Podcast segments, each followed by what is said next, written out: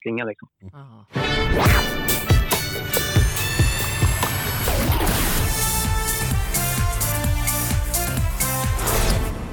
Direkt ifrån London, inte direkt ifrån London men jag kommer direkt ifrån London till Schlagerfesten-studion. Jag heter Elaine och jag har med mig, Anders Ringqvist. annars hade det varit jättekonstigt. Ja, det hade faktiskt... I och sig, jag fick klara mig utan dig i Göteborg. Så du hade kunnat få göra det här själv för att jag kanske hade ja, men tappat rösten eller bara tröttnat. Ja, man vet aldrig. Det här är alltså podcasten Schlagerfesten. Vi som bjuder på eh, Mello under vintern och Eurovision under våren. Så får man väl säga. Ja, det är det vi gör. Det, Ja. Året runt pågår det i våra eh, hjärnor men ni får bara ta del av det eh, lite då och då. Exakt. Sen gjorde vi ju då små dokumentärer för att ladda upp så vi får väl se om vi känner för det i mellansäsongen igen. Det vet man aldrig. Men nu är vi här och nu är vi jag vill säga 16 dagar från Eurovision men det är vi inte. Det är 16 dagar när vi spelar in det här tills jag åker till Eurovision. Så det är väl typ tre veckor kvar till tävling. Precis till tävling men redan nästa vecka börjar ju alltså repetitionerna i Liverpool och jag skulle tro att man väldigt snart vilken dag som helst börjar repa med stand-in-artister. Ja, just det. Eh, så att ja, det, är, det är inte långt kvar. Nej, det är galet. Så därför är vi ju här nu. För det är ju då dags att börja förbereda. Vi kommer bjuda på tre stycken inför-avsnitt. Det här första idag, som ni lyssnar på nu, det kommer handla om fokus på Sverige. Vårt svenska bidrag, svenska delegationen. Vi kommer prata med en av låtskrivarna. Han heter Jimmy Jansson. Vunnit nu på sitt 33 försök Äntligen. Och så med vår Head of Delegation Lotta Furebäck lite senare. Och så innan dess förstås, vad har hänt här i världen när vi har varit borta? Och då menar jag då i Eurovision-världen förstås. Och det har ju hänt en hel del. Vi har ju gått från det som på engelska då kallas för National Final Season till Pre-Party Season. Ja. Eh, för det är ju så här att efter, efter alla eh, länder är klara och alla har utsett sina bidrag så vidtar ju då de här förfesterna runt om i Europa. Det här är en ganska ny företeelse ändå. Det började i Amsterdam, jag tror att de hade 15-årsjubileum i år. Ja. Eh, Och de har då ett koncept som kallas för Eurovision in Concert. Det började på en väldigt liten skala för ett antal år sedan. Där man kom på att ja, men vi vill ju få hit de här artisterna. Mm. Och eh, så erbjöd man helt enkelt en konsertversion av Eurovision Song Contest eh, och bjöd in alla som skulle tävla att komma dit. Eh, Och det drog till sig naturligtvis då uppmärksamhet i lokal media, både i Nederländerna och i vissa angränsande länder. Eh, Men också fanpress och fanmedia och, och det blev en, liksom en kul fanevent. Och sen började det här sprida sig Just. som koncept. Så att i år har vi varit, eller vi har inte varit, men Eurovision-cirkusen har varit i Warszawa, den har varit i Barcelona, den har varit i Tel Aviv, den har varit i Madrid, Amsterdam och London. Och då tror jag inte att jag har glömt någon. Nej, jag vill eh, minnas att det där ska stämma. Man skulle till och med kunna halvräkna dit Stockholm faktiskt för vår Melfest Weekend som vi har på vår final brukar ju ha några gäster också från årets Eurovision eh, inbjudna. Ja, och det faktiskt. hade vi ju. Det hade år. vi. Ja. Mm. Eh, och sen är naturligtvis inte alla artister med överallt. Den största tror jag är i Amsterdam. Där tror jag att 28 artister deltog. Eh, något färre var med i London och jag tror att det var 27 för jag var ju i Madrid och du då som sagt i London här i helgen som var. Ja, och om jag minns rätt så var det typ 18 akter från eh, årets melodifestival. Det var totalt... tre- Melodifestival nu du! Eurovision. Men eh, 30 akter totalt, för det var ju även... Inbjudna gästartister och Ja, såna här exakt. grejer. Eh, så att London hade nog det minst nästan det minsta antalet Mm. artister. Men det är ju för att det är så nära inpå. Och för Precis. att Amsterdam var precis dagen innan. Och, Det var inte alla som orkade ta tåget tidigt på söndag morgon för att ta sig till London. Nej. Eller sätta sig på ett flyg för den delen. Nej, men det, här är, det här är väldigt, väldigt roliga events faktiskt för, för fansen. Att få se bidragen live, få möjlighet att, att, att se och träffa artisterna och dessutom ha en ordentlig Eurovisionfest. Och att det är så pass utspritt i Europa gör ju att väldigt många kan ta sig till åtminstone någon. Eh, Så det har ju vi då passat på och gjort. Men det ska vi prata om lite senare. det ska vi också prata om senare. Allt the, the dirty gas from the parties. Mm, jag har inte så mycket dirty goss faktiskt. Det är inte Ska så inte, dirty. övers- ska inte översälja detta. Nej, det ska vi inte. Eh, jag tänkte, det, det har ju skett en liten eh, regelförändring, eller två faktiskt, eh, i år. Vi har i semifinalerna till exempel bara televote i år. Ja, det känns lite konstigt tycker jag. Men, Ja. ja. Ja, men det här har vi ju, gissar jag, kommit som en reaktion på förra året där Azerbajdzjan lyckades ta sig till final med noll poäng i televoten. Eh, och om Just jag minns det. rätt så gick Schweiz till final med två poäng i televoten. Mm, och det känns ju lite skumt. Ja, men det känns ju lite sådär att om ingen bland tittarna vill ha det i final, ska det verkligen vara i final då? Mm, Jag kan förstå den tankegången. ja. Sen tycker jag kanske att man då överreagerar åt andra hållet för att vi har ju trots allt jurygrupperna av en anledning. Det Ja. är för att få bort här grannskapsröstande och det Vilket är... sig jurygrupperna också gör. De ägnar sig till viss del åt det, absolut. Men, men inte lika tydligt. Det har hänt Mm. att jurygrupperna i Grekland inte har gett Cypern 12 poäng till exempel. Ja. har ju aldrig hänt en televot. Nej. Jag kan förstå bakgrunden men jag tycker att man kanske har överreagerat. Men nu är det som det är. Nu är det de reglerna vi har. Kommer Eh, det påverka oss är väl den viktigaste frågan. alltså, traditionellt sett de senaste åren så har ju våra bidrag gått betydligt bättre hos jurygrupper än vad de har gjort hos tittare. Ja. Eh, nu är jag inte ett dugg orolig för Lorens Nej. eh, skull, Nej, det hon skulle eh, missa. Och, och vi får också komma ihåg att det är färre länder med i år totalt sett. Så att i vår semifinal, den första, så är det bara 15 länder. Det är bara fem som ska bort. Jaha, gud, just Eh, och det är jag ju inte dugg orolig för att Loreen inte skulle ta sig bland topp 10 eh, i televoten i den semifinalen. Och så kan jag någonstans känna att ja, skulle nu helvetet frysa över och Loreen faktiskt missar det, ja, då spelar det väl kanske ingen roll för då fattar inte tittarna det. Nej. Nej, att hon glider vidare på en åttonde plats för att sluta på 17 plats i finalen, det behöver vi inte vara med om. Då är det nästan bättre att hon åker ut i semin. i Ja. så fall. Åh gud. Så det är jag inte så orolig för. Nej, eh, vi har också en ny eh, jurygrupp eh, som gör entré. Just det. Vi har Re- Rest of the World, alltså övriga världen. Tittare i andra länder som inte deltar Just det. får i år en möjlighet att rösta och det kommer man att göra via en webbsida Okej. eh, där man ska registrera sig med kreditkort. Ja, så det kommer ju inte vara jättemånga som gör. Ja, men det kommer naturligtvis eftersom vi pratar om väldigt många länder. Men varför ska man det? Kostar det? Ja, det kommer att kosta och om jag Ah. har förstått skvallret rätt så kommer det kosta 99 eurocent. Ah. per röst, eh, det vill säga lite drygt en amerikansk dollar. Ja. Eh, eller då, ja vad blir det, 11 kronor ungefär Ja. eh, per röst. Men det här är ju naturligtvis för att se till att det inte är några bottar som sätter igång eller att Just. man fuskar eller sätter igång fabriker på något vänster. Utan ja. det ska finnas en person bakom och den personen får betala per röst vilket innebär att det då blir på, på något vis mer legit. Totalt sett så kanske det här inte blir liksom, jättestort påverkan för det är ju en eh, grupp. ja. Eh, Men det är klart, i semifinalerna kan det ju absolut få en påverkan på vem som är 10 och vem som är 11. Till Just det. exempel. det. Mm. kan absolut påverka. I finalen då tillkommer ju de här ju- jurygrupperna Ja. och eh, vi har dessutom då telefonomröstningsgrupperna. Så att om jag räknar rätt då, det är 37 länder. 37 plus 37 är 74. Så här blir då den 75 gruppen. Ja. ja, nej det kanske Eh, inte. inte kommer göra jättestor skillnad. Nej, eh, det förskjuter ju också naturligtvis eh, procentsatserna då lite, lite grann i finalen. Så att istället för 50-50 så är det nu 50,6 procent televote och 49,4 procent jury. Eh, Så att inget, eh, inget revolutionerande, men eh, jag tycker att det är ganska kul att man släpper in övriga tittare och men det- låter dem vara med också. Tycker det ska bli väldigt spännande att se hur många röster som kom in från resten av världen. Ja, och det är inte säkert att vi kommer att få. Eh, utan vi får poängen, eller vi får ordningen, vem som vinner och vem som är tvåa och så. Men jag tror inte att man kommer att släppa hur många röster. Nej, okej. Eh, Synd. Ja, vad skulle jag säga mer? jo, vi ska prata, vi, vi kommer ska jag säga, att prata en hel del odds.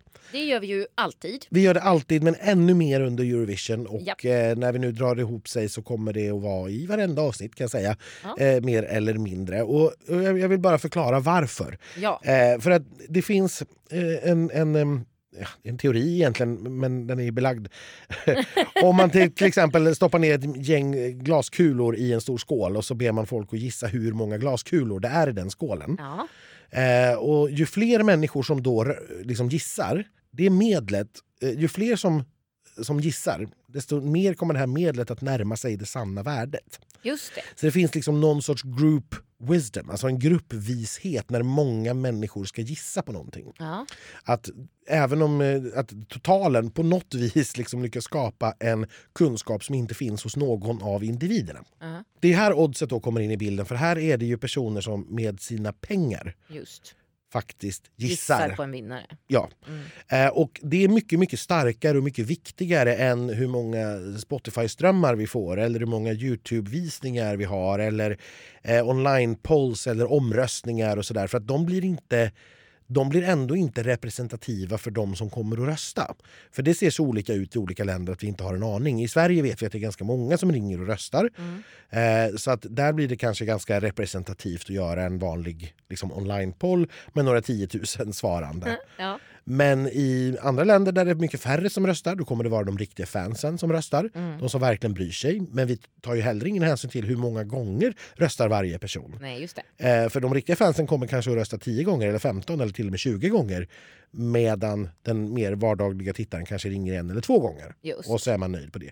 Så att det där går aldrig riktigt att förutspå. Men när människor med sina pengar ska gissa så uppnår vi den här kunskapen som grupp som egentligen inte finns som sagt hos någon av individerna. Och det är därför det här är så mycket intressantare. Okej.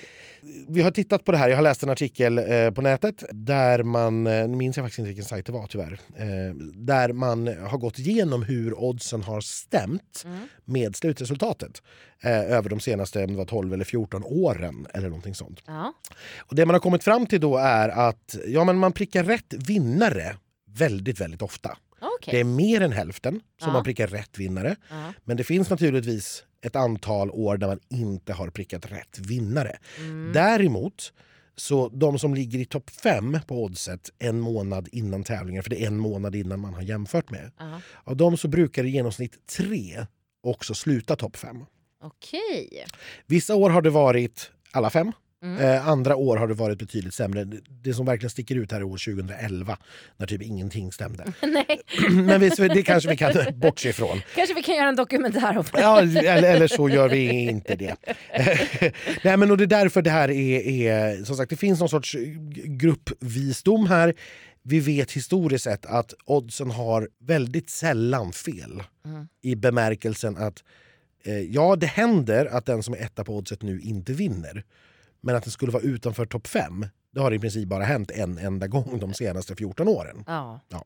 Och då, då blir det naturligtvis intressant att titta på de här som ligger i toppen. Vad är det för några? Och det kommer Ja. vi att göra i nästa avsnitt. Och titta på dem lite närmare och prata lite om dem och vad det är för artister och sådär. Men allra högst upp i toppen har vi ju Loreen. och Sverige. Ja, och det känns ju otroligt roligt. Ja, och det är första gången faktiskt som jag kan komma ihåg i alla fall att vi har varit etta på oddset sedan Måns tävlade 2015. Ja, just det. Och så tidigt, för vi vart vi det typ redan när hon var med i semin höll jag på att säga. Ja, eh, så var det. Så fort, eh, så fort låtklippet kom ut Ja. från, från eh, SVT så, Ja. så gick vi upp i topp. Så var det. Och för att fortsätta prata om vad, vad hon har lyckats åstadkomma. Då, hon, hon har alltså varit inne på topp 200 på Spotify i 16 länder. Jag har ju aldrig varit med om det förut, inte före de har tävlat i Eurovision. Nej, Nej precis. För det här har ju naturligtvis skett helt organiskt. Ja. Låten har spridits, delats, folk har hört. Eh, Jag läste på, på Twitter häromdagen att eh, franska fans var alldeles... De förstod inte vad som hade hänt för att franska Energy hade spelat det. Loreens Tattoo. Och det var liksom, de hade aldrig någonsin hört att den kanalen överhuvudtaget spelade Eurovision. Och Nej. att de då spelade Eurovision som inte ens hade tävlat än och som inte ens var Frankrike. Det var så här, det hade liksom inte hänt sedan 80-talet. Nej, det är Ungefär.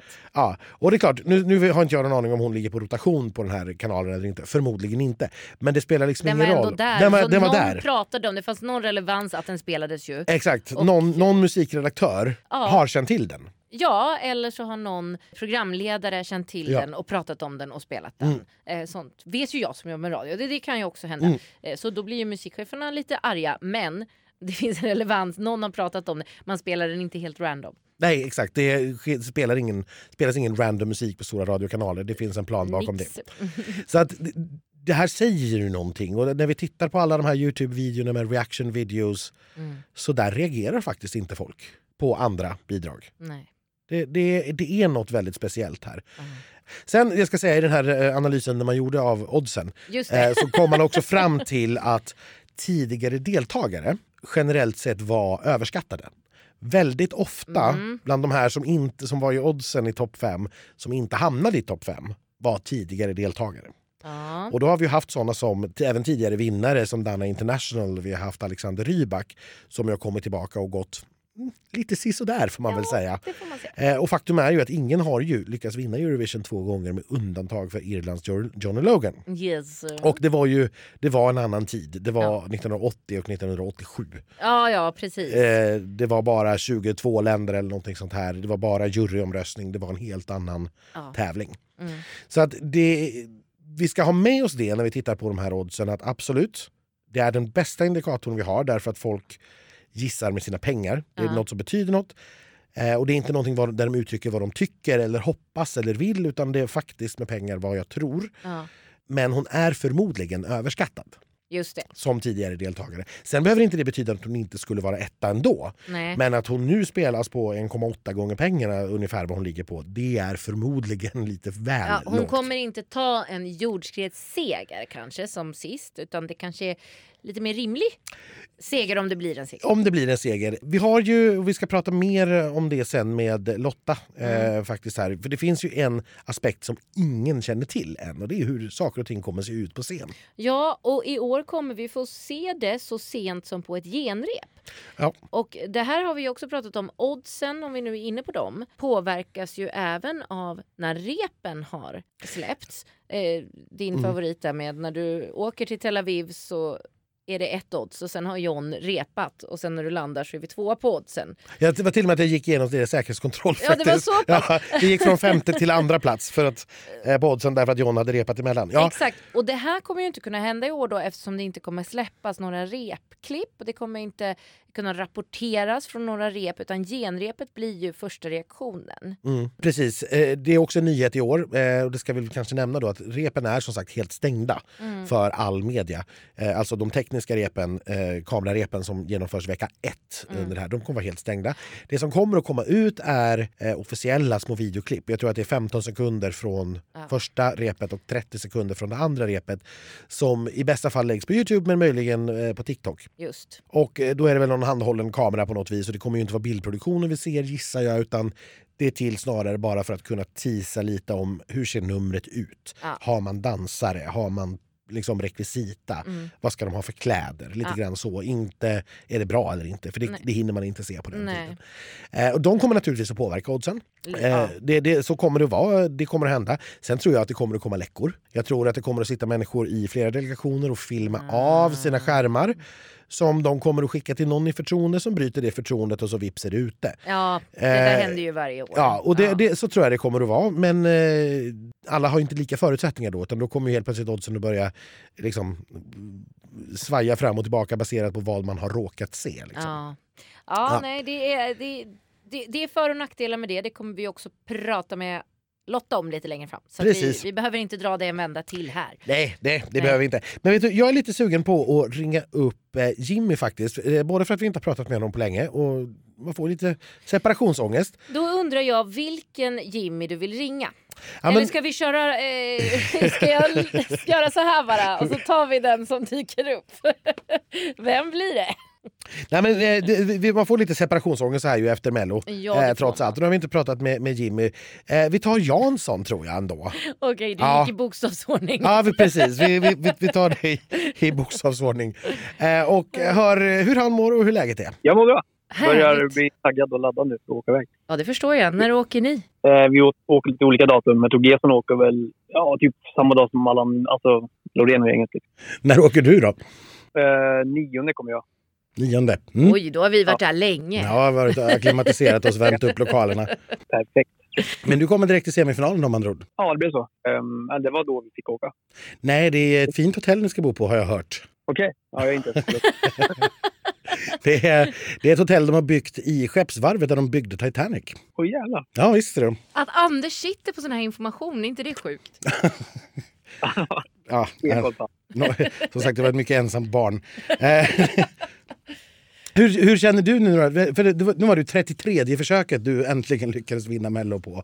Hur känns det nu när det har gått lite tid sedan dess? Ja, jag vet det. Men det känns svinkul. Alltså, det känns som att det var, det var värt väntan. Att få åka iväg med en sån här låt också, en här artist. Att det, var, det gjorde ingenting att det tog lite tid, känner jag. Du har ju dessutom med två låtar. Du ska ju tävla med Cypern också i den andra semifinalen. Så att du är ju busy gissar jag. Ja, jag, jag vet inte vad, hur vårt schema kommer att se ut. Jag antar att vi bara glider med och har det gött. Som på Mello med andra ord. Ja, exakt. Jag är lite nyfiken på den här cypriotiska låten. Vem, vem var det som ringde vem här? För att få till den låten, eller? Ja, och för att hitta honom, för han är ju australiensare egentligen. Ja, det var väl Thomas Stengard som hade ett finger med spelet där. Och eh, ringde och sa att de söker låtar och frågade om jag hade någon. Eh, och då skickade jag iväg den här låten som vi skrev några, någon månad tidigare. Innan han ringde liksom. Och de Mm. nappade på det. Så liksom inga konstigheter. Eh, men det är väl tack vare Thomas Stengard som den landade där. Kul! Kanon. Jag tänkte fråga vilken gillar du bäst, men det är en jättedum fråga känner jag spontant. Ja, alltså... jag, jag tror Loreen kommer att ha större chans att kriga i toppen, det tror jag. Men man vet att Man vet aldrig. Och vi ska ändå säga att Cypern är ändå trea på oddslistan just nu att kvalificera sig från sin semifinal. Så att det är åtminstone ganska goda chanser att du får båda i finalen. ja, det är orimligt. Får du springa sådär i greenroom igen? Eller ni kanske inte får sitta i greenroom förresten? Det vet inte jag. Nej, det är de med ackreditering som får sitta där. Vi Just får det. sitta publiken. Ah. Just det. Mm. Men å andra sidan så kan du ju fira en finalplats både tisdag och torsdag eventuellt och det är ju kul. Ja, precis. Extra Ja, festligt. Exakt. Du, jag tänkte så här nu när, vi, nu när det har gått lite tid också att du skulle få lite, nörda ner dig lite mer i liksom skapandet utav Tattoo. Hur, hur, hur gick det här till egentligen? Från, från ett första frö hela vägen till att det kom fram till Loreen. Eh, ja, alltså, allt började med en session som vi skulle ha med Katsi, jag och eh, Thomas och Jimmy. Tanken var att skriva till henne från början. Och sen, sen så, ah, det började med att jag kom på den här hela den slingan som går genom hela låten. För jag, jag satt som producent i det rummet då och eh, gjorde den här slingan på piano. Den hade ju någonting och alla kände bara shit, det här är nice liksom. Eh, men sen vi kom inte på någonting. Så vi satt och rullade runt och bara nej, vi kom inte på något bra toppline på det liksom. Så vi släppte faktiskt den och började lyssna på andra idéer som Jimmy Joker hade med sig och funderade på att byta låt helt. Mm. Mm, Så han spelade upp några idéer och vi satt och lyssnade. Bara, mm, det var väl ingen som vi liksom så kände yes, vi kör på den. Utan, men sen så sa vi, ska vi ta upp den andra idén igen och lyssna? För den hade ju någonting med slingan. Den slingan liksom. Ja. Så vi igen och bara, ah, men det här är nice. Men vi, vi provar lite till och sen när vi försökte andra gången då rann bara melodierna ur oss allihopa. Så det gick snabbt att skriva den sen efter det. Och sen i efterhand så tog vi med Boström som trolla och gjorde magi och produktionen där. Ja. Och Loreen kom in senare sen och var med på sticket och gjorde hennes, hennes idé kring det. Liksom. Men visst var, det, visst, var det väl så att, att det var hon som var påtänkt egentligen från början eller om ni landade i det ganska tidigt? Det var inte så att man tanke från början, men vi kände rätt snabbt att det här känns som en Loreen-låt på något sätt. Och vem ska kunna sjunga det om inte hon? Finns det någon i Sverige som kan göra det på rätt sätt? Så vi hade ju som mål att försöka få tag i henne och få henne att testa i alla fall. Sen tänkte vi att det kommer att vara omöjligt att få henne att göra Mello igen. Men det gick. Gesson has his ways som jag brukar säga. Ja, exakt. Så är det. Jag har faktiskt ytterligare en, en liten, på tal om produktion höll jag säga, men en liten fråga. För att nu i veckan så kom ju eh, Karaokeversioner. karaokeversionerna precis av, den här, av de här låtarna. Och nu ska jag se om jag kan hitta dem. och Anders har ju redan då försökt sjunga Tattoo så därför har han upptäckt en sak. Jag ska säga att det faktiskt inte är jag. Jag har snappat upp det här på Twitter. Men eh, sen då. var jag tvungen att lyssna själv också. Eh, för jag eh, undrar lite grann så här, är det så här det låter verkligen? Alltså backtracket. För att de här karaokeversionerna för de allra flesta så är det egentligen backtracket. För det är ingen som orkar göra en karaokeversion. Liksom. Det är ingen som orkar lägga tid och pengar på, på något sånt. Så man tar helt enkelt backtracket och skickar in det eh, till den här eh, officiella skivan. Och då ska vi fram till 2.30. Hörde du det här, det här märkliga digitala ljudet som helt plötsligt liksom ramlar in? Är backtracket Ja, så? men det, det ligger med där. Sjunger hon över det då? menar du? Ja, det gör den. Man tänker inte på den i, i den vanliga versionen, men den har alltid funnits där. Ja, för det lät väldigt, väldigt udda. Det lät Va- jättekonstigt. varför ligger den där? Eller alltså, Alltså det är väl mest för att få ett visst typ av driv in till refrängen. Det gör att det, det liksom, den vill framåt. Dagga, dagga, dagga. Alltså den bygger upp någonting. Mm. Men den hörs ju, hennes röst är så pass stark där så att den, man tänker inte på den utan den ligger bara där och skapar någon slags energi. ja, jag kommer nog tänka på det jämt nu. Jag kommer försöka höra det varenda gång. nu. Kommer inte kunna ohöra det. Kanske har förstört den här låten. Ja, det har du. Känner man, känner man när man är klar liksom att ja, men jäklar, nu har vi skrivit en hit? Känner man det? Nej, alltså hit vet man ju inte förrän det blir en hit. Men man känner att det här eh, skulle kunna bli en hit om det landar rätt. Alltså känslan var ju, vi jublade allihopa i rummet. Mm. Och jag alltid mäta på mig själv. Alltså om jag vill lyssna på en låt jag gjort samma dag flera gånger på vägen hem till exempel från studion.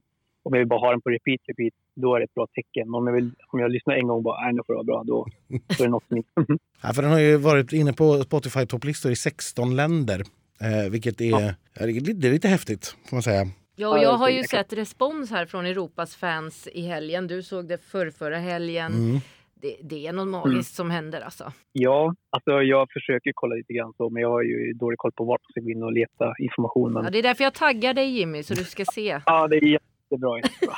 jag kan säga, jag, jag var ju nere i Madrid och spanska fans är ju, är ju kända för att kanske inte vara de sportsligaste, så kan vi väl säga. Den enda artisten som var på pre-partyt i Madrid som de respekterade var ju Loreen. Det innebär ju inte att de tycker om henne, för det, det gör de ju inte. Men, men man respekterar henne på, på, ett sätt som man inte gör med någon annan. Nej, men det var, det var faktiskt en ganska häftig upplevelse. För, att all, för alla andra så var det så ja, men publiken står ju och dansar och klappar med, men för Loreen hade ju alla mobilerna uppe. Alltså, det var på något jublar och ja. Tittar. Det är ju ett stort dansgolv eller så kan man vara uppe i en bar. Och då tittar man ju med ett halvt öga på vissa saker men när det var Loreen då var det ju verkligen fullt fokus mm. från alla. Hon har någon förmåga att trollbinda sig, så är det. Så är det, med rätt mm. låt. Mm. ja, Ja, men jag tycker hon alltid gjort det. Även fast jag inte gick hela vägen förra gången hon gjorde statement så tycker jag att man, man reagerar på det hon gör. Alltid. Mm. Ja, hon, och det var också när hon gjorde det här mycket märkliga medlet i Eskilstuna, kommer jag ihåg, på Andra chansen 2020. Eh, som jag begrep inte riktigt vad det var för någonting, men hon som artist är fortfarande trollbindande. Det är hon ju. Ja. Hon är fortfarande fantastisk. Jag vet inte om jag har så mycket fler frågor att ställa just nu. Utan vi bara ville kolla lite läget, hur det känns och hur läget är och när du kommer och sådär. Så, ja, så ses vi i Liverpool sen. Exakt, säga att vi längtar ja. efter att ta ett litet glas någonstans och umgås och heja på er. Och fira finalplatser i plural. Ja, ja visst. Ja, men det ska bli så kul. Hoppas att jag inte har förstört eh, Tattoo för dig för mycket nu med det här lilla konstiga datorljudet som Nej, ligger men... 2.32 in. Jag älskar det. Vill ni lyssna på det? 2.32 in. Jämför. Ja. Ska vi göra det nu? Ja.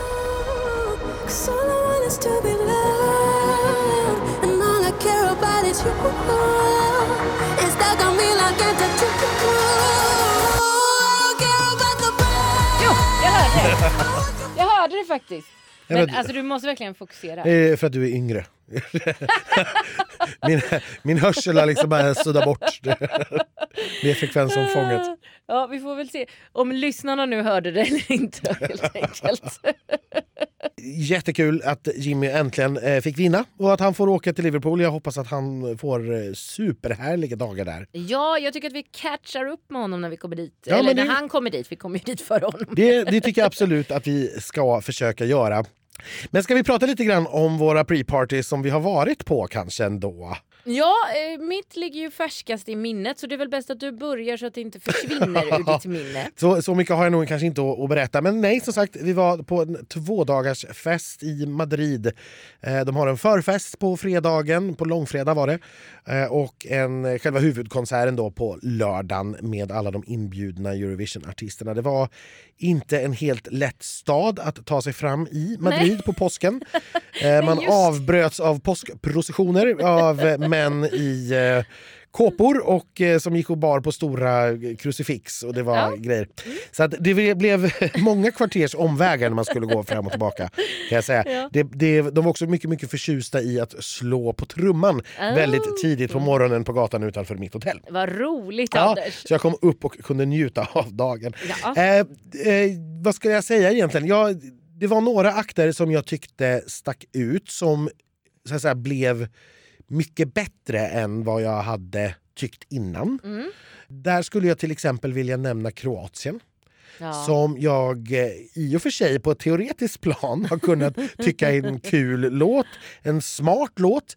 Eh, och jag tycker att det är ett kul band. Vi ska prata mer om dem senare. Ja. Eh, men nu kände jag den faktiskt när jag såg dem live. Mm. Att det blev, och de fick också igång publiken på ett sätt som jag inte hade trott att de här spanska fansen, spanska fansen skulle reagera. Nej. För nu var vi inte bara spanjorer där såklart, men den absolut övervägande delen. Ja.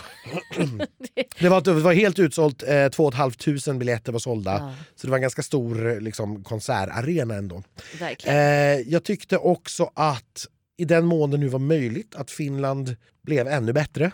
Ja, Eh, eller hur? Ja, han är enormt bra Ja. eh, live. Ja. Verkligen bara så superhärlig på scenen. Bjuder, ger verkligen all energi eh, in i låten. ja. Ja, vad tyckte jag mer? Var det någon mer jag ville plussa? Spanien tyckte du ju eh, Ja. stack ut även om du fortfarande inte är ett fan av låten. Precis. Men eh, Spanien är ju, det, det är en låt som vi ska prata mer om den i nästa avsnitt när vi pratar om oddsfavoriterna för den är ju en av de som är där den uppe. är ju faktiskt det. Konstigt Eh, jag har ju väldigt, väldigt svårt för den här låten. Den ger mig ingenting. Nej, Men hon var hypnotiserande Mm. live. det var Och det är klart, nu var vi i en konsertsal då med dryga 2000 spanska fans som ju Såklart. avgudar henne och den här låten. Mm. Och det här, jag har aldrig hört en så hög publikreaktion sen jag såg One Direction i Sverige. Bara för att ge en jämförelse. Att det var ett religiöst väckelsemöte jag Ja, befann mig på. Folk var i extas och i trans. Så var det ju inte riktigt i, i London när hon uppträdde. För jag hade inte lika mycket spanska Nej. fans. Eh, och bara 1800 i publiken. Eh, inte 2500. Absolut så var det... Lokalen är ju oftast... Eh, folk tittar i... Alltså, man är inte helt tysta och tittar så fort det är en akt på en sån här typ av fest. Men när hon sjöng, då gjorde man det även i, Mm. i London. För att man blir fängslad av det som försiggår. Mm. Eh, Det är som en hymn på något sätt. Ja, det, det- går ju inte att sjunga med liksom. Det är helt omöjligt. Så att därför blir det att man bara, bara tittar. Ja, och jag är, ja, vi, ska, vi ska spara det till sen. Men Ja. det var också en sån verkligen som hypnotiserade mig. Mm. Sen på, åt andra hållet som jag kanske tyckte blev besvikelser. Eh, där har vi, nu spelar inte det jättestor roll från början kanske, men irländarna eh, trodde jag sjöng playback för att eh, sångaren tog inte många toner, i alla fall inte i refrängerna. Sen har jag lärt mig därefter att den är tydligen inte skriven så. Så att det är inte tänkt att sångaren ska sjunga refrängen. Vilket är ett mycket märkligt sätt att göra en låt på kan jag tycka. Till ett band. Men så är det tydligen, det är inte, han kan inte sjunga den. Han, kan inte, han har inte omfång för det så den får bandet ta Ja, istället. Och så springer han runt och, och jönsar sig. Eh, och det, eh, det gav ett väldigt oseriöst intryck i Madrid tyckte jag. De kände som att de var bara där för, för festen. Det kan jag tala om för dig att eh, så är det. Mm. Eh, jag, jag var ju nämligen eh, på hotellet och hjälpte till och tog emot artister när Mm. de kom till London.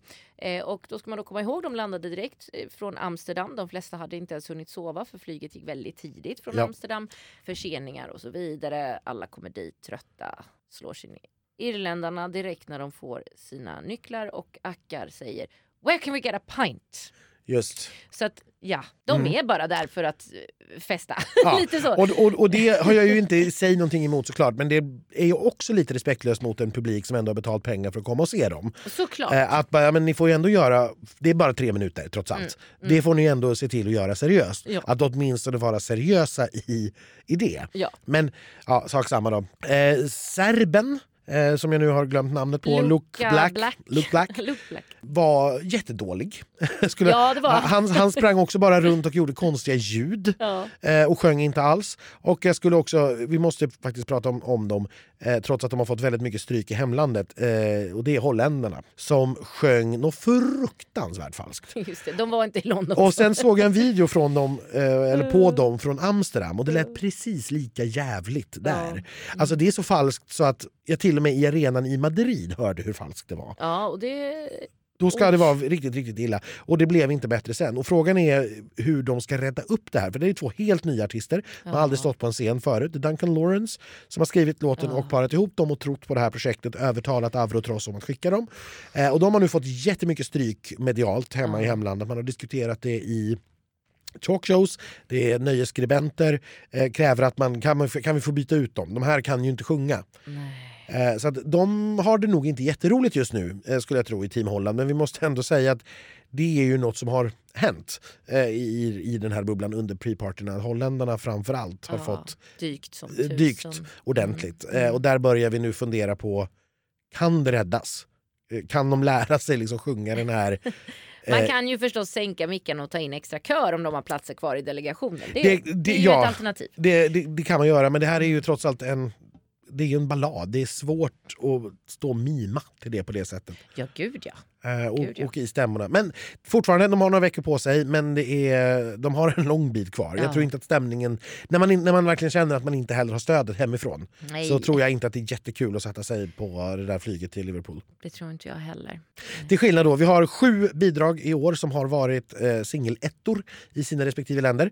Och när jag säger det så borde jag naturligtvis ha kollat upp i förväg vilka det var. Ja, men, det är ju Sverige och Finland vet vi i alla fall. Ja, eh, och jag är ganska säker på att Norge har varit där också. Det har hon garanterat. Men eh, vi får återkomma till det, Ja. är helt enkelt längre fram. Vad, vad var dina takes från London? Vad är mina takes från London? Jo men även i London så var det ju eh, förfest med riktigt stora namn på fredagen.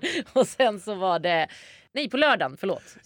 Eh, när alla riktiga artister var i Amsterdam så hade vi förfest med gamla Eurovision-akter som Kano, som i och för sig jag tycker är ett ganska stort namn, men, eh, och eh, Michael Rice som ju jobbade med John Lundvik 2019. Ja, och de Eh. kommer vi få se faktiskt på Euroclub i Liverpool också, båda två. Ja, och jag längtade inte jättemycket efter Michael Rice tills jag nu har umgåtts med honom en hel kväll och han är superhärlig. Sjunger jättebra. Han gjorde ju en version av Tattoo. Mm. Den kan diskuteras för jag tycker det är lite farligt och lite tidigt att ge sig på den. Mm. Han har absolut röstkapacitet men snälla.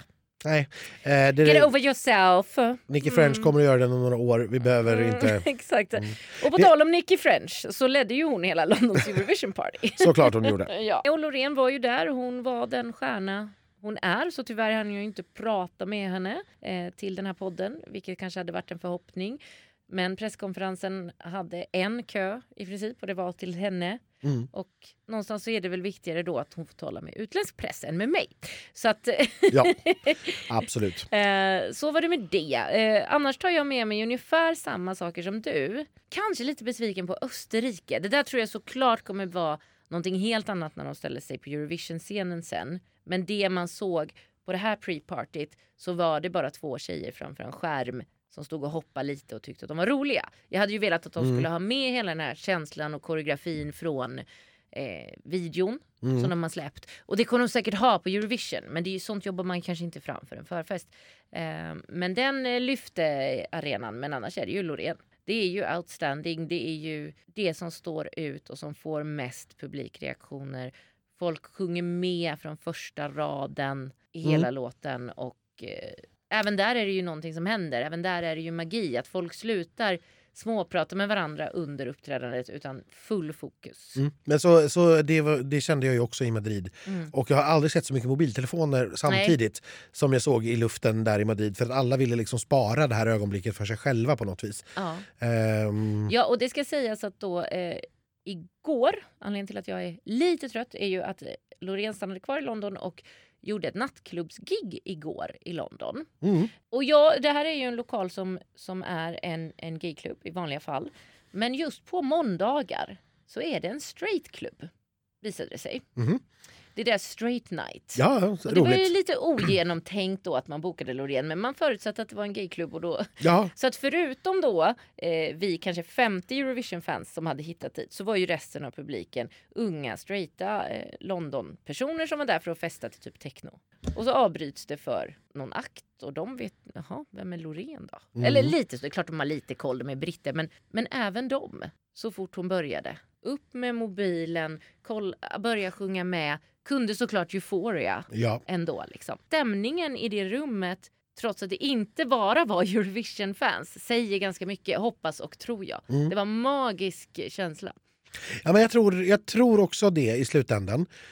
och min, min, mitt långa TED-talk här tidigare om, om oddsen och så vidare, att hon är överskattad. Ja, det är verkligen inte att åka dit och hämta hem mikrofonen. Men hon är ju favorit av en anledning. Ja. Eh, och den är inte att hon har tävlat förut. Eller vunnit förut. Eller vunnit Precis. förut. Så att jag, jag vill också tro det. Men, men vi, vi får återkomma till allt det där när vi är på plats, när vi har sett mer, när vi vet mer, när vi hör liksom skvaller och snack. Men man blir ju nyfiken nu på att veta, liksom till exempel, har man bestämt hur numret ska se ut? Vad kommer hända? Och vem har koll på de här sakerna, Anders? Det är ju Lotta Furbeck som är Head of Delegation eller ja, chef över svenska delegationen så som hon presenterade sig själv. Så att vi, vi ringde upp henne förra året också och vi gillar ju Lotta så att vi ringde i år också för att kolla lite hur läget är nu eh, lite drygt en vecka innan de åker till Liverpool. Och peppa! En head of delegation är en chef för det svenska teamet, eh, en team leader kan man säga. Så mycket av mitt jobb handlar ju om eh, innan man åker ner handlar ju om förberedelser och planering, se till att vi har de bästa förutsättningarna när, teamet kommer på plats.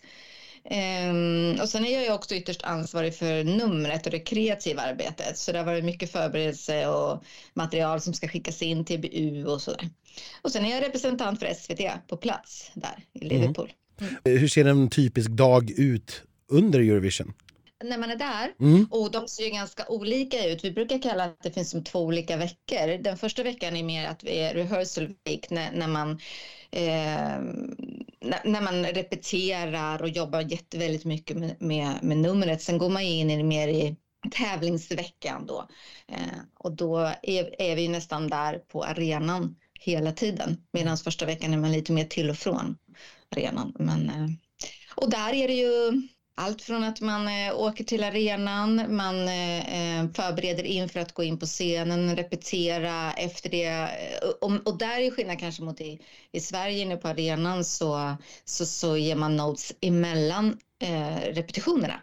Så man ger ljud och bild och, och ljusnotes mellan varje gång. Och sen går man till ett viewing room precis som här i Sverige då och tar notes där. Och så gissar jag att det dyker upp massvis med saker konstant hela tiden som man behöver släcka bränder för. Ja, det är det, är det, det, det handlar om mycket också såklart. Och, för, Lösningsorienterad är, är bra att vara. Ja, bra. ja, för du har gjort det några gånger nu. Hur, de sista dagarna inför finalen, hur mycket sover du i snitt per dygn? Ja, det är inte mycket. Men också när man är med i semin semi 1 som vi är nu, om man jämför med semi 2 så är det då att då tävlar du liksom på semi 2. Om man då går i final mm. så blir det väldigt, väldigt, väldigt sent. Och sen åker man väldigt, väldigt, väldigt tidigt för att repa Flag Parade. Eh, vilket alla eh, finalister är med på. Så där är ju en fördel nu att man kommer hem sent tisdag natt och om man då går till final så är man då mer eller mindre eh, ledig Eh, två dagar innan man kommer till Flag Parade och ganska två intensiva dagar, eh, fredag, lördag. Ja men det vet jag, vi har pratat om eh, förut och även Christer pratade om det. Han föredrog alltid semi 1 just därför att mm. det ger en liten andnings, ett litet andningshål mitt upp i alltihopa. Ja, och det är bra på många plan tror jag. Alltså för artist och röst och, och, och bara för att landa i allting. Det som, det, ja, och förbereda. Först landa mm. över det man har varit med om och sen förbereda inför nästa fas. Så jag tror att det är jätteskönt eh, med det här andningshålet. Kommer Loreen ta det eftersom hon, det är ju så himla mycket efterfrågan på henne. Kommer man ge henne ledigt där då? Eller kommer det liksom bara vara intervju, intervju och press och press eh, hela vägen? Det är ju en balans hela tiden. Att mm. se till att, att press versus återhämtning och mm. eh, avkoppling. För det är superviktigt att hon också kan leverera sen på scenen och få den återhämtning hon behöver. Mm. Det är superviktigt. Det här är ju nu då det första äntligen helt coronafria året, åtminstone i mm. betydelse nu då att vi i alla fall inte behöver testa oss och vara rädda för isolering och annat. Eh, sen kan ju folk Så naturligtvis varför? fortfarande bli sjuka. Ja. Eh, men vad, vad, åker ni med full delegation nu igen? Är vi tillbaka till liksom the good old days? Jag skulle säga att de har behållit det här att det är 20 stycken eh, akkrediteringar, alltså 20 mm. stycken personer som får åka ner som, som de inför i, uh, under pandemin. Mm. Och sen är det så här, det är liksom öronmärkta eh, akkrediteringar kan man säga. Så att det är liksom, det är så här, till exempel sex stycken för våra scenmedverkande. Men mm. eftersom Loreen nu själv, hon har ingen dans, hon har ingen kör, då försvinner ju fem platser i delegationen där. Och de kan man inte liksom ersätta med någon annan eller ge till någon annan, utan det, det går liksom bara till de scenmedverkare. Så vi är faktiskt en ganska liten delegation som åker. Vad är, vad är för och nackdelarna med det då? vi blir en väldigt tajt grupp kan jag säga att fördelarna. En, en väldigt sammansvetsad grupp. Men sen är det ju såklart härligt att ha en, en stor grupp med. Det blir mycket pepp och engagemang och sådär. Jag vet... Det är så många som vill åka, så man, vill ju, man hade ju velat att det fanns mer ja. eh, mm, mm. Jag har hört att vi har Robin Hovander med oss till exempel som bildproducent. Stämmer det? Det stämmer. Eh, det är ett kreativt team. Det är ju då på eh, bild så är det Robin eh, Hovander. På ljus är det Fredrik Stormby och även Tobias Rylander. Och sen i ljud så har vi Gesson med. Just. Och sen är det Sasha som på creative. Sasha Jean Baptiste. Just det. Mm. Va, vad säger BBC om att vi kommer med egen både bild och, och ljud och ljus? Ja, ja alltså, det har vi gjort ett antal år nu så jag tror att inte de blev helt överrumplade. Eh, de var beredda. Nej, jag, bara, jag bara känslan av att BBC är ett lite mer jag ska säga, självgott bolag kanske än, än många andra. Ja, men jag måste säga att vi, direkt efter um, efter finalen så åker vi ner på så of Delegation-möte och där BBC då pratar väldigt mycket på en liksom, konferens, man ska säga, och då de känns väldigt um, ödmjuka inför uppgiften måste jag säga, men, men de är ju väldigt etablerade men, och har gjort mycket stora saker, men, men ändå så känns de um, ja, ödmjuka inför uppgiften, att de ändå förstår att det är väldigt mycket som ska repeteras på kort tid. Eh, när åker ni ner? Och när repar ni? Eh, den 29 åker vi ner eh, och repar, eh, första rep är den 30, alltså dagen på. Och sen så har vi ett andra rep den tredje. Och sen är det eh, genrep och annat. Precis. Och sen, ja, precis. Ja, nej, men... är det ju två dress rehearsals, sen är det ett tredje på tisdagen och så är det semi på eh, finalen på kvällen. Mm. Så det är måndag, tisdag där. Och om vi går vidare så är vi lediga onsdag, torsdag och sen är det fredag, lördag igen. Men sen blir det mm. väl någon form, det är väl någon sån här turkos matta och invigning och grejer också? Ja, det är den här tävlingsveckan som jag pratade om som mm. är första juli. Eh, och den, den, invigs ju på söndagen mm. eh, med en turkosmatta. Ja, precis. Mm. Ja, den, har jag, den har jag sett förra året under många timmar. Så att... för, för oss slagerreportrar så är det motsvarigheten till att springa ett maraton. Det är ju stå över den här mattan. För de vill ju alltid att man ska vara på plats typ tre timmar innan. Och så ska alla 40 någonting gå igenom. Det brukar ta en ja, 5, 6, 7, 8 timmar så man får stå upp utan toalett. Ja, ja eh, det, det är underbart. Men ja, vi var också sist av på den här, jag och Cornelia. Ja, jag minns det. Gud, vilket kämpande det var alltså. Vilka, har ni några andra events planerade i, i Liverpool mer än alltså publika ja. tänker jag på? Alltså, vi är ju några eh, nordiska länder som tillsammans tittar på att event eventuellt göra en Nordic Night. Det är i ett eh, förberedande stadie just nu. Eh, men men eh, vi, vi, hoppas på det, att vi får till det. Mm. Ja, men vad trevligt. Vi kommer inte få se någonting av repetitionerna i år. Det är ju nytt eh, för i år eh, att man stänger dem helt och hållet. Eh, mm. Så vi kommer inte se någonting. Eller ja, vi kommer att se några sekundklipp som man lägger ut på TikTok. Mm. Men i övrigt kommer vi inte se någonting förrän eh, dress rehearsal, för, alltså, genrepet då på, på måndagen i vårt fall. Det här slog ner lite grann som en bomb i, i vintras. Hur känner du för det? Men det här är såklart jättetråkigt att, att media inte får vara med på repetitionerna. Men sen måste man ju ha förståelse för de beslut som EBU har tagit, för de har ju säkert gått igenom det ordentligt och noga. Och eh, de har ju fattat därifrån att den här tonen och kommentarerna kring eh, mm. både produktion och arbete har varit väldigt hårda och vad jag har förstått också eskalerat de senaste åren. Mm. Um, så att, ja. Men tråkigt såklart. Det var ungefär exakt det jag hörde i London när jag pratade med en person att det var lite där. Eh, ja men framförallt Albanien förra året råkade ja. väldigt illa ut. Ja, eh, och sen i sociala de medier. öppnade det här online-centret sa han. Så i chatten där när folk sitter bakom en skärm var det helt fruktansvärt. Ja det är tråkigt för det, jag menar också saker händer ju även på, på scenen och med numren tänker jag. Alltså från, från att man har Jättemycket såklart. Och jag menar, det, det, här kommer jag ihåg, vi har ju haft det själva också. Alltså Tusse till exempel i Rotterdam gick ju mm. lite upp och ner och så vet man att ja, men då mm. jobbar ni med det och så ser man vissa saker blir bättre. Mm. Eh, och, och sådär. Det är vi ju så vana vid från Melodifestivalen att man ser hur ett nummer jobbas fram och växer. Jag, jag är lite delad för jag förstår också att man inte alls vill ha det där som man fick framförallt förra året. För det var riktigt hårda ord som sades. Mm. Och artister som mådde väldigt dåligt. De är ju faktiskt också bara människor. Ja. Vi, vi, fick läsa idag att det är Måns och eh, Edvard som ska kommentera. Det var lite taskigt att släppa den nyheten precis innan vi skulle spela in tycker jag. Men vem, vem ska lämna våra poäng? Är det någonting som är bestämt? Nej, eh, det är inte bestämt ännu. Nej. Men det är jättekul tycker jag eh, med, med Måns och Edvard. Jag tycker det är så tryggt med Edvard. Eh, han är under tolfte året han gör det här nu. Mm. Så nu är det kul med Måns, en, en, en gammal Eurovision-vinnare. och de gjorde det jättebra 2017 tillsammans ju i Kiev. Ja, Sen, sen råkar jag också veta då att Charlotte Perrelli också kommer att vara i stan för hon ska nämligen gigga på Euroclub på fredagskvällen så vi kommer att ha tre Eurovision-vinnare i stan samtidigt. Nej, men, oj, ja. det visste inte jag. Vad roligt. Ja, vad kul. Roligt. Eh, så, mm. vi, vi, I år är vi ju inte bara liksom så här, som vi nästan höll på att säga, brukar vara en av favoriterna. Nu är vi ju verkligen favoriten. Eh, hur känner du dig för det? Är det, lite, för det är kanske en ny situation även för dig? Alltså det här är ju jätteroligt, men samtidigt är jag så ödmjuk inför eh, det här, för man vet faktiskt aldrig vad som kan hända.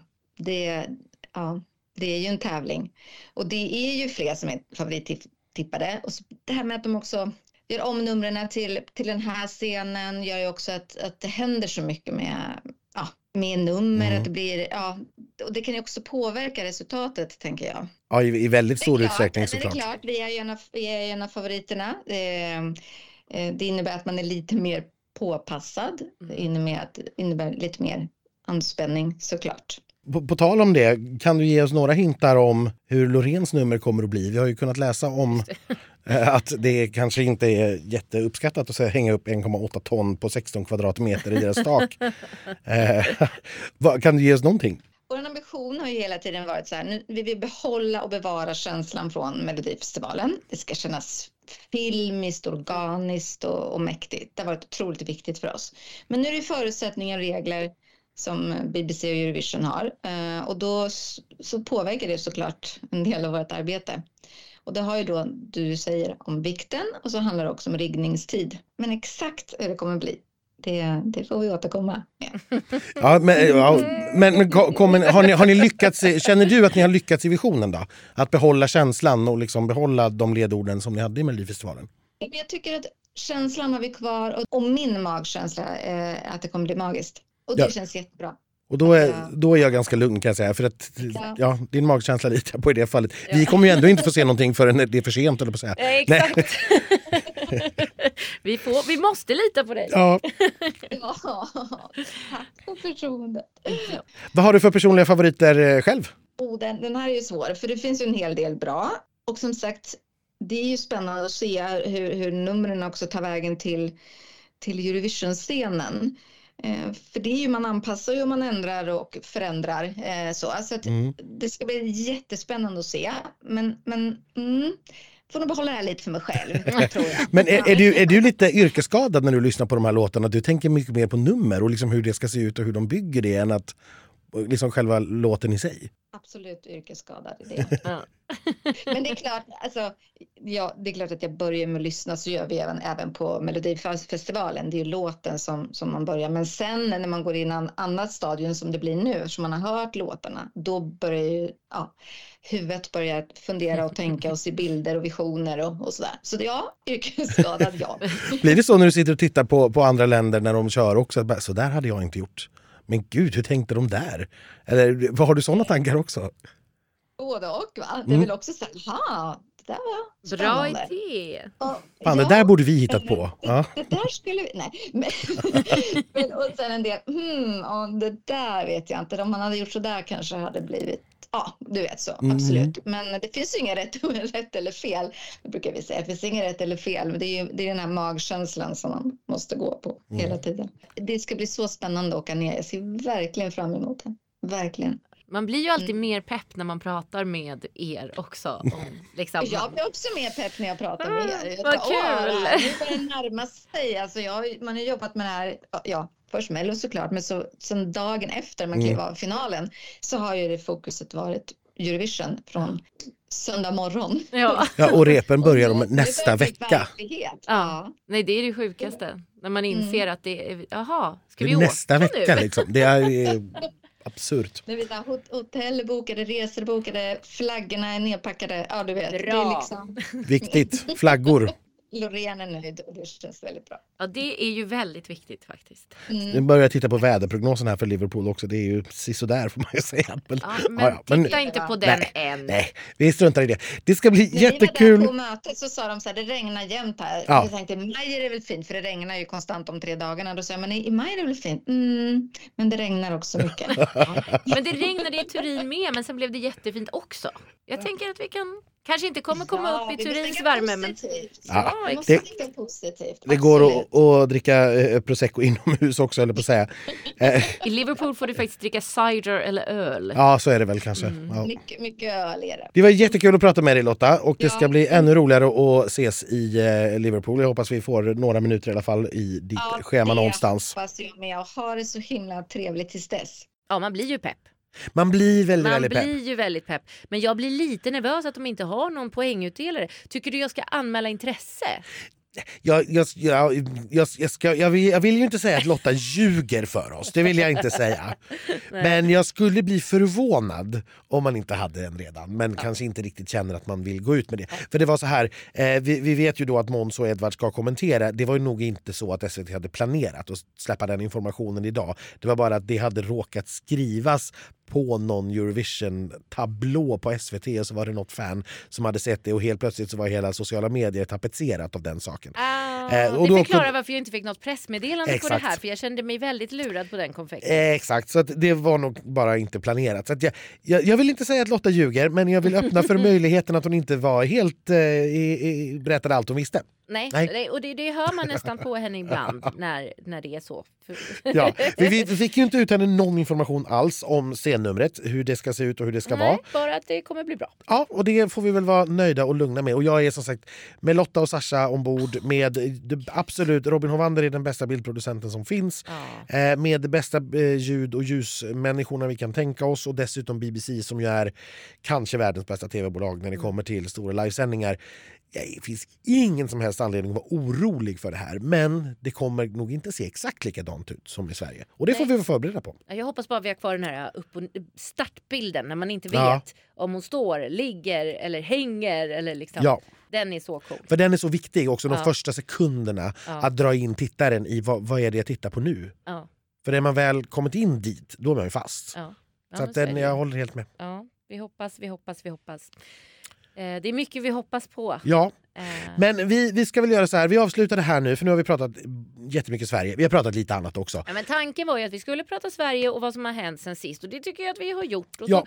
så spårar vi alltid ur lite grann men Självklart. hoppas att ni tycker det är intressant. Sverige tävlar ju inte i ett vakuum. Vi tävlar ju trots allt mot 36 andra länder. Det går ju inte att, att inte nämna dem. Men vi har två avsnitt kvar. Då kommer vi att prata både om de som är oddsfavoriter eh, och de som vi har som favoriter utanför oddsfavoriterna. Då. Så att säga, Ja, vilka exakt. personliga favoriter vi har och som Ja. vi hoppas lite Ibland extra på. är det ju samma men då lyckas vi ändå hitta fler favoriter. För Ja. vi, vi är ju som vi är. Precis, och jag har väl kanske redan gett en hint om vem en av mina favoriter i alla fall Jag har kommer att vara. faktiskt vill plocka upp att eh, jag hade Snap från Armenien som en av mina Ja. förra året och sa det här kommer bli en hit. Sen gick det inte så bra i Eurovision, kände mig besviken. Men nu har jag fått tillbaka den kronan, tack för det. Jajamän. Och jag är lite nöjd med att jag plockade upp Serbien förra året som ju faktiskt slutade på en jättefin femteplats. Ja, precis. Eh, vi kan att- nog det här ändå. Ja, men det, vi kanske Ja. kan hitta några små guldkorn längre ner i oddslistan även i år. Men det tar vi senare. Då, eh, hoppas, då kommer ju svenska delegationen redan vara på plats i Liverpool så vi kanske får ett snack med någon där också då. Ja men det avstånd. hoppas vi verkligen. Ja. Och det är dagen innan jag åker. Så att eh, jag tar med mig mikrofonen sen och drar. Det blir fantastiskt. Men då eh, gör vi så här att vi, du får packa upp väskan. Ja. Jag ska inte packa en väska än, eh, men vi packar ihop för nu. Och så hörs vi. vi igen om en vecka helt enkelt. Det gör vi. Då från different locations. Jajamän, då har vi på olika platser. Vi tar hand om er, vi ses då. Hej, hej!